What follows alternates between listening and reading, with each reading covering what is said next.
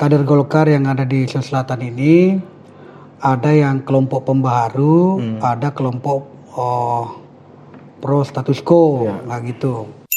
Saya bisa menganggap hebat ini Supriyansa kalau bisa mendamaikan Pak Nurdin Halid dengan uh, Rustin Abdullah. Uh, keanggotaan saya itu belum cukup lima tahun, tahun untuk menjadi ketua. Saya ini adalah kader yang berpangkat rendah mau dilaksanakan di Makassar, mau dilaksanakan di Jakarta, ya. atau lebih-lebih mau dilaksanakan di Arab Saudi sambil kita umroh, umroh ya. saya tidak ada masalah. Ada Tuhan di atas mendengarnya. Tidak pernah terlintas sampai detik ini kita bertemu Pak Kambi. Ya. Ada niatku mau menjadi gubernur di Selatan. Cukup itu saya menjadi anggota DPR RI di sana. Tribuners, Anda sedang mendengarkan podcast Tribun Timur karena telinga mata kedua. Saat ini saya sedang bersama Pak Supriyansa, eh, anggota fraksi Partai Golkar DPR RI yang akhir-akhir ini eh, banyak mewarnai pemberitaan di khususnya di Sulawesi Selatan terkait musyawarah daerah ke-10 Partai Golkar Sulawesi Selatan. Mungkin kita akan mendengar langsung Eh, pernyataan-pernyataan dari Pak Supriyansa terkait dengan kesiapan beliau uh, menjadi calon ketua DPD 1 Partai Golkar Sulawesi Selatan. Meskipun sebenarnya sebagian kita sudah membaca di media, mungkin men menyaksikan di beberapa video eh, rekaman-rekaman dari Pak Supriyansa terkait dengan uh, keinginannya untuk kembali membesarkan uh, Partai Golkar di Sulawesi Selatan. Tapi Tribuners akan mendengar langsung uh, beberapa saat lagi pernyataan-pernyataan dari Pak Supriyasa terkait dengan hal tersebut. Pak Supri mungkin bisa diperdengarkan langsung ke Tribuners kita apa sebenarnya yang mendorong Pak Supriyansa untuk mencalonkan diri menjadi calon eh, ketua Golkar Sulsel. Baik Pak Kambi, saya ini kalau ditanya apa yang mendorong, ya tentu jawabannya sangat simpel. Pertama, saya ini terdorong karena saya sudah menjadi kader Partai Golkar, tentu berkeinginan melihat Partai Golkar ini bisa menjadi besar, bisa menjadi kompak, bisa menjadi pemenang pemilu di tahun 2024. Itu simpel itu. Ya. Ya. Saya tunggu dulu Pak Sopo. Saya garis bawahi dulu bisa menjadi lebih kompak.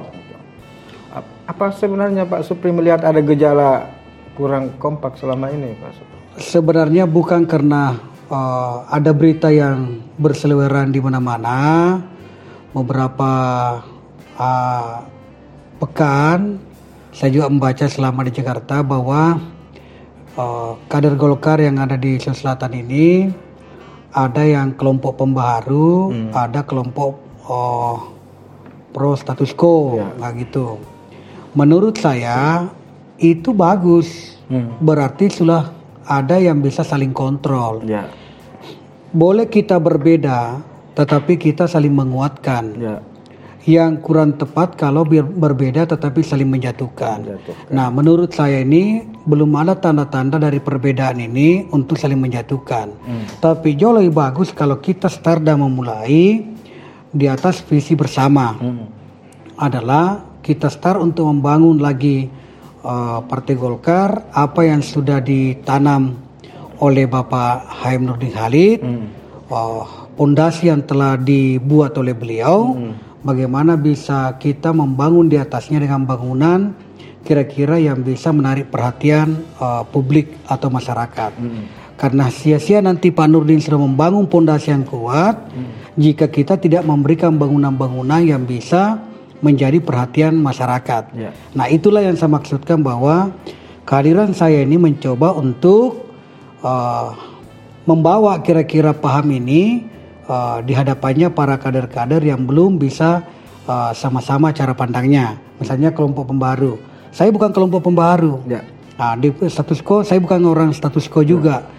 Dua-duanya saya tidak berada dalam satu garis. Hmm. Tetapi potensi saya bisa membangun komunikasi di antara kedua kelompok ini. baik kelompok pembaru maupun kelompok status quo, itu kan.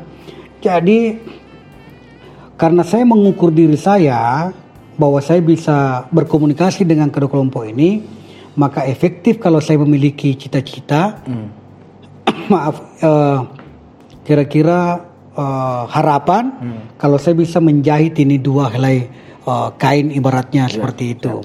Ah, pertama kelompok pembaru, saya intens komunikasi setelah saya datang ke sini ke sejak Makassar. hari Sabtu lalu. Sejak ya sejak hari Sab- sejak ya hari Sabtu lalu ya. Sabtu dini hari. Ya, kemudian uh, kelompok status quo katakanlah simbol di situ adalah Pak NH. Saya sebelum ke Makassar, saya hampir setiap saat komunikasi dengan Pak NH dan sering saya duduk bersama di Jakarta Ya. untuk membahas hal-hal yang sangat kira-kira bermanfaat untuk uh, pengembangan Partai Golkar ke depan di Sulawesi Selatan. Ya.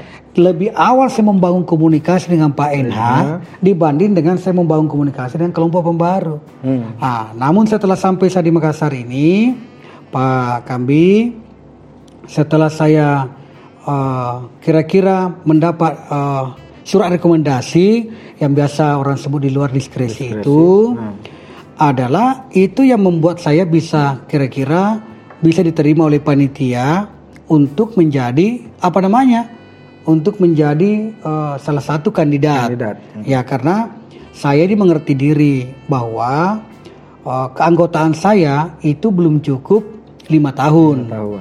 untuk menjadi ketua. Ah, tetapi di lain sisi saya juga tidak mau dianggap bahwa kader yang bandel. Begitu ada keluar yang namanya uh, uh, surat rekomendasi, maka saya juga uh, mau dipandang oleh pimpinan bahwa saya menjalankan tugas yang diamanahkan. Itulah saya datang ke Makassar membawa itu dan saya sudah mendaftar di situ Siap. Di panitia. Hari ini di Tribun Timur kita tulis bahwa Pak Supri ini laksana Tomanurung yang datang ke Sulawesi Selatan untuk menjalin eh, dua pihak kubu di Sulawesi Selatan ini supaya lebih baik. Ya, Seperti itu kah Pak Supri yang Pak Supri rasakan ke sini? Iya, kurang lebih seperti itu yang yang saya maksudkan bahwa dua kubu ini eh, niat yang ada dalam diri saya ini ingin menyatukannya. Iya. Dan potensi untuk satukannya itu ada. Kenapa? Karena kedua belah pihak ini membuka diri. Ya, kalau toh dikatakan tahu menurung, mungkin terlalu berlebihan juga eh, kalau dalam versi bahasa Bugisnya. Ya. Karena saya ini hanya orang yang diturunkan saja mungkin. Tahu menurung itu berarti diperjalankan oleh yang lebih Ya. yang yang suci. berarti. Saya tidak terlalu suci juga sebenarnya. Ya gitu. Eh, kalau kita lihat sejarah lahirnya pembaruan ini kan pembaruan ini lahir pada sekitar bulan-bulan Maret ya, Maret ya Pak Supri. Ya. Setelah Pak Ketum datang, Pak Ketum belum meninggalkan Makassar setelah pidato di Triple C meminta Pak Nurdin Halid kembali ke DPP. Saya kira Pak Ketum masih di Makassar itu ada beberapa ketua DPD mendeklarasikan pembaharuan itu. Dan kemudian kalau kita lihat pernyataannya itu seram-seram itu Pak Supri. Seakan-akan tidak ada lagi kemungkinan untuk rekonsiliasi dengan kubu Pak Nurdin Halid. Kira-kira Pak Supri bisa dengan kerasnya sikap mereka itu bisa menurunkan mereka itu untuk kembali bersatu. Saya masih memiliki optimisme yang tinggi. Ya. Dalam satu grup WA, saya pernah membaca seorang senior yang bernama Pak Mula Warman mengatakan saya bisa menganggap hebat ini Supriyansa kalau bisa mendamaikan Pak Nurdin Halid dengan uh, Rustin Abdullah. Wah, Ya kira-kira begitulah. Dan saya membaca itu uh, kalimat Pak, itu merupakan tantangan bagi saya. Dan itu waktu belum ada diskresi yang saya miliki, belum ada juga bayangan saya bahwa akan kembali ke sini. Tetapi ada juga niat untuk menjadi ketua. belum ada, belum ada niatnya bahwa Memang saya mau jadi ketua. sebagai kader terpanggil untuk Ya, semata-mata karena saya ini adalah kader yang berpangkat rendah di Partai Golkar. tapi Bapak Ya. yang anggota Mahkamah Partai yang Ya, berpangkat rendah lah perasaan saya seperti itu. Begitu diperintahkan oleh pimpinan dengan selembar kertas itu, maka saya datang. Saya teringat di itu percakapan di WA itu, Tantangan grup itu. Itu. Ya, tantangan dari senior kita itu mengatakan baru hebat kalau bisa. Saya juga tidak mencapai puncak kehebatan, tetapi setidaknya saya me- saya mau berusaha untuk eh, melakukan hal-hal yang bisa kira-kira mendamaikan dua kelompok yang lagi kurang sepaham ini. Nah, alhamdulillah menurut saya ada jalannya. Kenapa? Karena komunikasi saya dengan Pak NH sangat terbuka sekali. Hampir saya setiap saat berkomunikasi dengan beliau. Saya baru mau masuk tadi di tribun ini, Iya. saya membaca lagi WA beliau Iya, ke saya. Dan itu berarti terbuka peluangnya. Dan kelompok pembaharu ini, alhamdulillah mayoritas yang mendukung saya ini, yang ada di dalam dukungan saya tadi yang saya serahkan ke eh, panitia eh, Musda, Iya. itu kebanyakan dari kelompok pembaharu. Nah itu saya mengatakan bahwa kalau begini modelnya, ada potensi yang saya miliki. Tapi persoalan berhasil atau tidak itu, itu adalah ikhtiar kita, ya kan, bukan kita menentukannya, tetapi mungkin Allah nanti yang menggerakkan hatinya orang karena Allah kan yang punya Ya, kewenangan yang untuk membolak-balikan hati. ya hati seseorang. Kira-kira begitu Pak Kambi. Ya. Faktanya sekarang ini kan di mana-mana Pak Supri melakukan pertemuan-pertemuan atau konsolidasi Pak Rusding Abdullah selalu hadir. Oh, saya kan ini terbuka, siapa pun boleh. Di mana pun saya berada, semua orang bisa dekat dengan saya. Ya. Itulah model yang saya bawa. Saya tidak pernah membungkus diriku bahwa hanya orang tertentu yang bisa dekat dengan saya. Ya. Seandainya bisa terlihat itu setan yang mau sadar, setan pun saya terima mendekat di saya. Ya. Ya kan gitu modelnya. Asal jangan menggoda saya.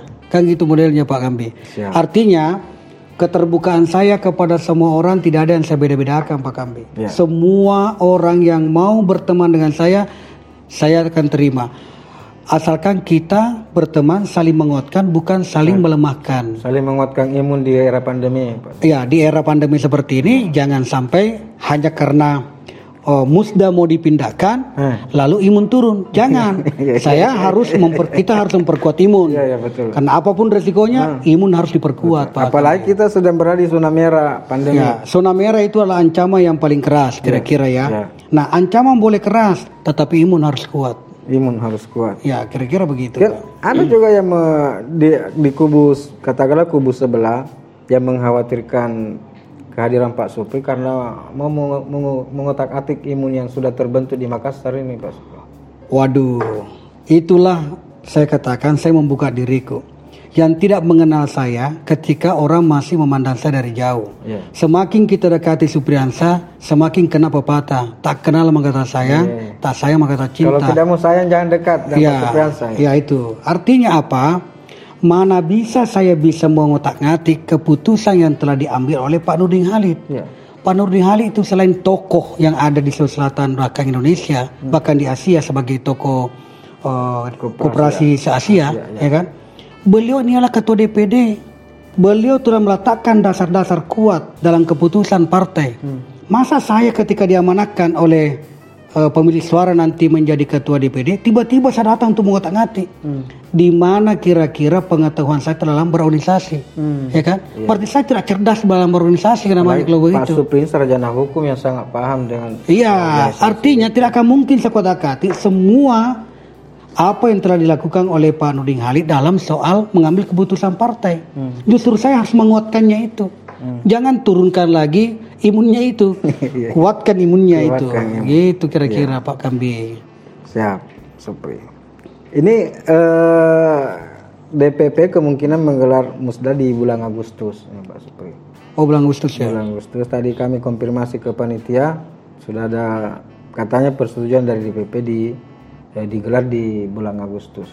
Padahal meskipun sebenarnya sudah ada edaran dari DPP bahwa seharusnya musda itu berakhir di 31 ini. Iya. Tapi mungkin Sulsel memang selalu mendapat keistimewaan kalau bicara tentang Golkar di Sulawesi Selatan. Karena selain lumbung, kita dari sudah turun temurun Sulsel ini adalah lumbung Partai Golkar. Iya. Bagi ini saya kira tantangan besarnya bagi Pak Supri untuk mengembalikan itu.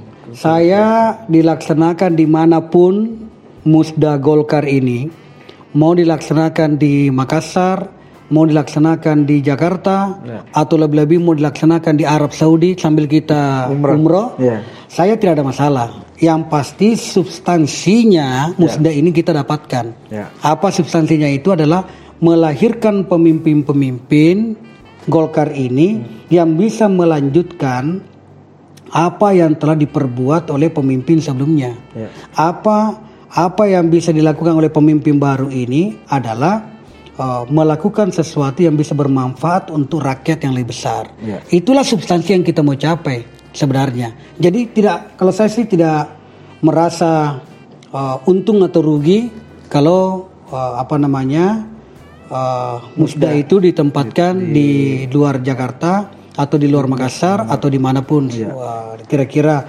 kita serahkan. Saya sebagai calon uh, ikut dan tunduk pada aturan yang telah ditetapkan oleh panitia saja itu. Ya. Ini ada dua ada dua versi dari pengamat dalam melihat tertundanya musda Golkar. Ada pengamat yang mengatakan, oh ini Pak Supriyansa akan sangat dirugikan dengan tertundanya musda ini. Ada juga yang mengatakan Pak Supriyansa akan diuntungkan karena punya lagi waktu untuk eh, konsolidasi untuk roadshow. Dan saya kira sambutan Pak Supri juga setelah mendengar tertundanya ini musda langsung mengatakan saya akan roadshow keliling menemui senior-senior Golkar. Ya, jadi di dalam benak saya ketika saya mendengarkan bahwa ini ditunda, ya benar itu bahwa semakin panjang waktu bagi saya untuk mencoba melakukan pendekatan-pendekatan kepada pemilik suara di daerah yang belum bergabung di saya. Ya. Masih ada kesempatan saya untuk menyampaikan secara eh, apa namanya, secara langsung kepada seluruh sayap atau didirikan atau mendirikan di Golkar itu oh, untuk lebih meyakinkan beliau-beliau semua supaya saya bisa di eh, dipilih. Nah, di sisi lain eh, dipindahkannya lagi itu saya belum merasakan bahwa saya dirugikan. Malah kalau saya eh, bisa apa namanya bisa saya jujur, saya merasa bahwa saya lega kalau ditempatkan di Jakarta. Ya kan? Di Jakarta ini eh, kalau toh misalnya memang diambil alih kan beda itu dipindahkan dengan diambil alih. Kalau dipindahkan maka SC dan OC itu eh, tetap berlaku di sana. Saya diganti OC atau SC-nya sama saja. Diambil alih oleh DPP Dipi- berarti DPP yang membentuk lagi kepenitiaan eh, dengan OC-nya itu pun juga tidak ada masalah bagi saya bagi saya yang merasa dirugi yang merasa dirugikan itu kalau kita tidak jadi bermusda sehingga kita tidak bisa berbuat yang lebih besar karena tidak ada kepengurusan. Itu yang lebih yang lebih yang kalau saya perlu menjadi atensi. Jadi tidak ada itu Pak Kambi. Sampaikan kepada kawan-kawan semuanya. Ya. Kalau ada yang bertanya saya dirugikan, ah, sampaikan bahwa untuk sementara Supriyansa merasa tidak dirugikan dengan dipindahkannya. Mungkin itulah petunjuk Tuhan. Mungkin Supriyansa eh, bisa eh, memahami dirinya bahwa eh, keterpilihannya seseorang itu bukan diukur di mana dia eh, berada. Ya. Jadi saya mengatakan inilah kehendak Tuhan lah. Ya. Saya serahkan saja kepada Allah Subhanahu wa taala bahwa apa pun hasilnya itu yang terbaik lah, kira-kira begitu. Pak Supriyansa ini selalu dalam proses proses demokrasi seperti ini selalu bernada-nada pasrah tapi akhirnya selalu meyakinkan dan menentukan. Kemarin waktu pilkada Sopen juga Pak Supriyansa selalu berkata saya ini hanya mengalir Ya. kalau Tuhan menghendaki saya terpilih hanya masuk di DPR RI juga kayak seperti itu. Ya mungkin pembawaan dasar saya seperti itu Pak Kambi karena saya tidak memiliki sebuah kekuatan besar yang saya bisa andalkan di hadapannya orang-orang. Tetapi saya hanya memiliki ikhtiar saja. Ya begitulah saya menghadapi percakapan-percakapan uh, dengan teman-teman semuanya ketika ditanya bagaimana ya. saya serahkan kepada Allah Subhanahu wa taala karena biar saya mau sekali kalau Tuhan tidak mau. Ya. Biar saya tidak mau kalau Tuhan yang mau. Contohnya, siap. tidak pernah saya pikir mau menjadi calon Ketua Golkar. ketua Golkar di Selatan. Tidak pernah terlintas Apakah sedikit pun. Pak Supri akhirnya semangat calon setelah dapat tantangan dari Pak Mulawarman seperti tadi itu. Ya itu itu hari makanya saya katakan bahwa percakapan itu yang saya ingat ketika saya dapatkan diskresi. Ketika saya mendapatkan diskresi, justru percakapan itu yang saya ingat di dalam grup WA, WA itu. Kalau kalau tidak salah dia cerita itu, ya kan? Dia cerita saya benar-benar mende, apa namanya menyaksikan tulisan-tulisannya Kamul itu yang, banyak disertai dengan merah- warna-warna merah yang banyak warna merahnya itu. Itu kan ciri khasnya beliau itu. Jadi begitu saya saya lihat ada di screen saya yang saya ingat itu. Mungkin ini, ini adalah Ini nih. jawaban Su- uh, yang saya harus berikan kepada Kak Mul gitu. Sudah Pak Supri sampaikan ke Mula set- bahwa Belum. ada dari belum. Belum saya sampaikan. langsung. belum saya sampaikan ini Pak Tetapi saya berusaha untuk menyampaikan kepada beliau. Iya. Beliau kan bisa dihubungi lewat telepon. Iya, siap. Cuma kadang-kadang tidak diangkat gitu. Itu. Ya. Pak Pak Supri kita tahu bahwa seperti yang saya bahasakan tadi, Gol Sulsel ini adalah lumbung Golkar Ya. dan kalau cita-cita niat baik Pak Supri menyatukan elemen-elemen dan tokoh-tokoh Golkar di Sulsel ini kembali betul-betul menyatu, saya tidak bisa bayangkan seperti apa dahsyatnya Golkar ke depan ini dan apa konsekuensinya dalam pemilihan gubernur Sulawesi Selatan 2024. Apakah ada rencana Pak Supri untuk lanjut ke sana nanti? Saya Pak Kambi tidak ada terbersih sedikit pun sekecil sarap pun yang ada di hati terkecilku ini. Ada Tuhan di atas mendengarnya. Tidak pernah terlintas sampai detik ini kita bertemu Pak Kambi. Iya. Ada niatku mau menjadi gubernur di Sulawesi Selatan. Cukup itu saya menjadi anggota DPR RI di sana. Saya bisa RDP dengan mitra-mitra kerja, Ya. me- melakukan pengawasan-pengawasan dan itu sudah cukup bagi saya Pak Kambi. Kalau ada yang saya dengar, pernah dengar itu gosip-gosipnya bahwa saya mau menjadi gubernur, Ya. sampaikan tanggal berapa hari ini? 25 Eh, tanggal 25 Juli. Sampai tanggal 25 Juli ini saya ada di tribun ini belum pernah sama sekali Pak Kambi terlintas di otakku bahwa saya ini mau mencalonkan diri jadi gubernur ketika saya menjadi ketua DPD Golkar eh, Golkar Sulawesi Selatan. Meskipun sebenarnya sangat terbuka sekali kalau Pak Supri misalnya Ya, mau. masih banyak senior yang bisa. Ada Pak Nurdin Halid, ada Nurdin Abdullah, ada eh, yang lain-lainnya. Ya. Saya kira banyak yang lain ini. Masih ada Bupati Masih hanya Bupati Sopeng, ada Bupati Bone, ada Bupati Endrekang apa semua, ada Bupati Cineponto. Semua ini memiliki kemampuan-kemampuan. Biarlah senior-senior dulu ini di sini saya cukup didoakan turut menjadi tetap eh, menjadi apa namanya terus menjadi anggota DPR RI. Dan saya kira kalau godaan-godaan jabatan seperti itu Pak Supri sudah teruji. Sudah teruji. Sopeng di wakil, Ya. wakil bupati yang begitu. Dua tahun setengah saya menjadi wakil bupati di sana. Saya sudah melihat perkembangannya. Uh, perkembangan hasil pembangunan sudah bisa di kita ukur. Dan kelihatan kemampuannya Pak Andika Swadi di Sopeng sangat jelas, ya kan? Saya bisa mengukur tanpa saya ada lagi di situ, beliau bisa lanjutkan pembangunannya bersama dengan uh, apa namanya? Bukan pada semua dinas-dinas yang ada. Nah, akhirnya saya meminta lebih saya mundur menjadi anggota DPR supaya saya bisa berbuat yang lebih besar lagi, yang lebih luas lagi.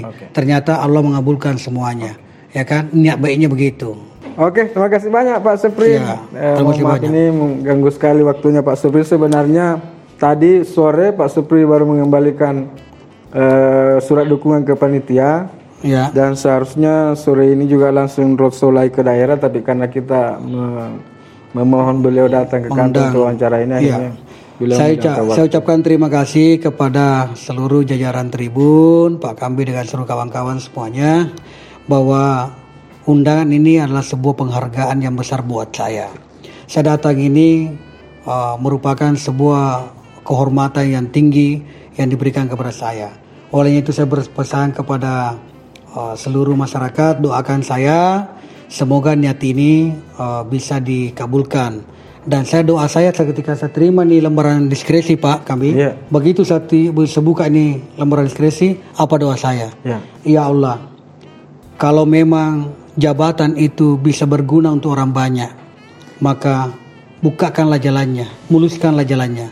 Tetapi seandainya surat diskresi itu atau jabatan itu yang diamanahkan kepada saya hanya berguna untuk diri dan keluargaku semata ya Allah tutuplah jalannya itu.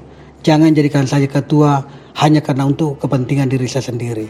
Itu doaku kepada Tuhan Yang Maha Kuasa itu Pak Kambi. Siap. olehnya itu saya datang di Makassar ini bukan untuk mempertajam perbedaan kita Ya. tetapi saya menawarkan persamaan yang erat buat kita semuanya dalam rangka membangun Golkar eh, yang lebih besar ke depan sehingga kita bisa mengantarkan Golkar menang di 2024 nanti air langga jadi presidennya insya Allah Dan pilkada serentak. Dan pilkada serentak eh, semua kita bisa menangkan semuanya Siap. karena bersamaan semua nanti ini insya Allah 2024 Golkar menang secara keseluruhan di Indonesia air langga jadi presiden Terima kasih telah mendengarkan podcast ini. Dengarkan lagi podcast-podcast selanjutnya hanya di podcast Tribun Timur. Sampai jumpa.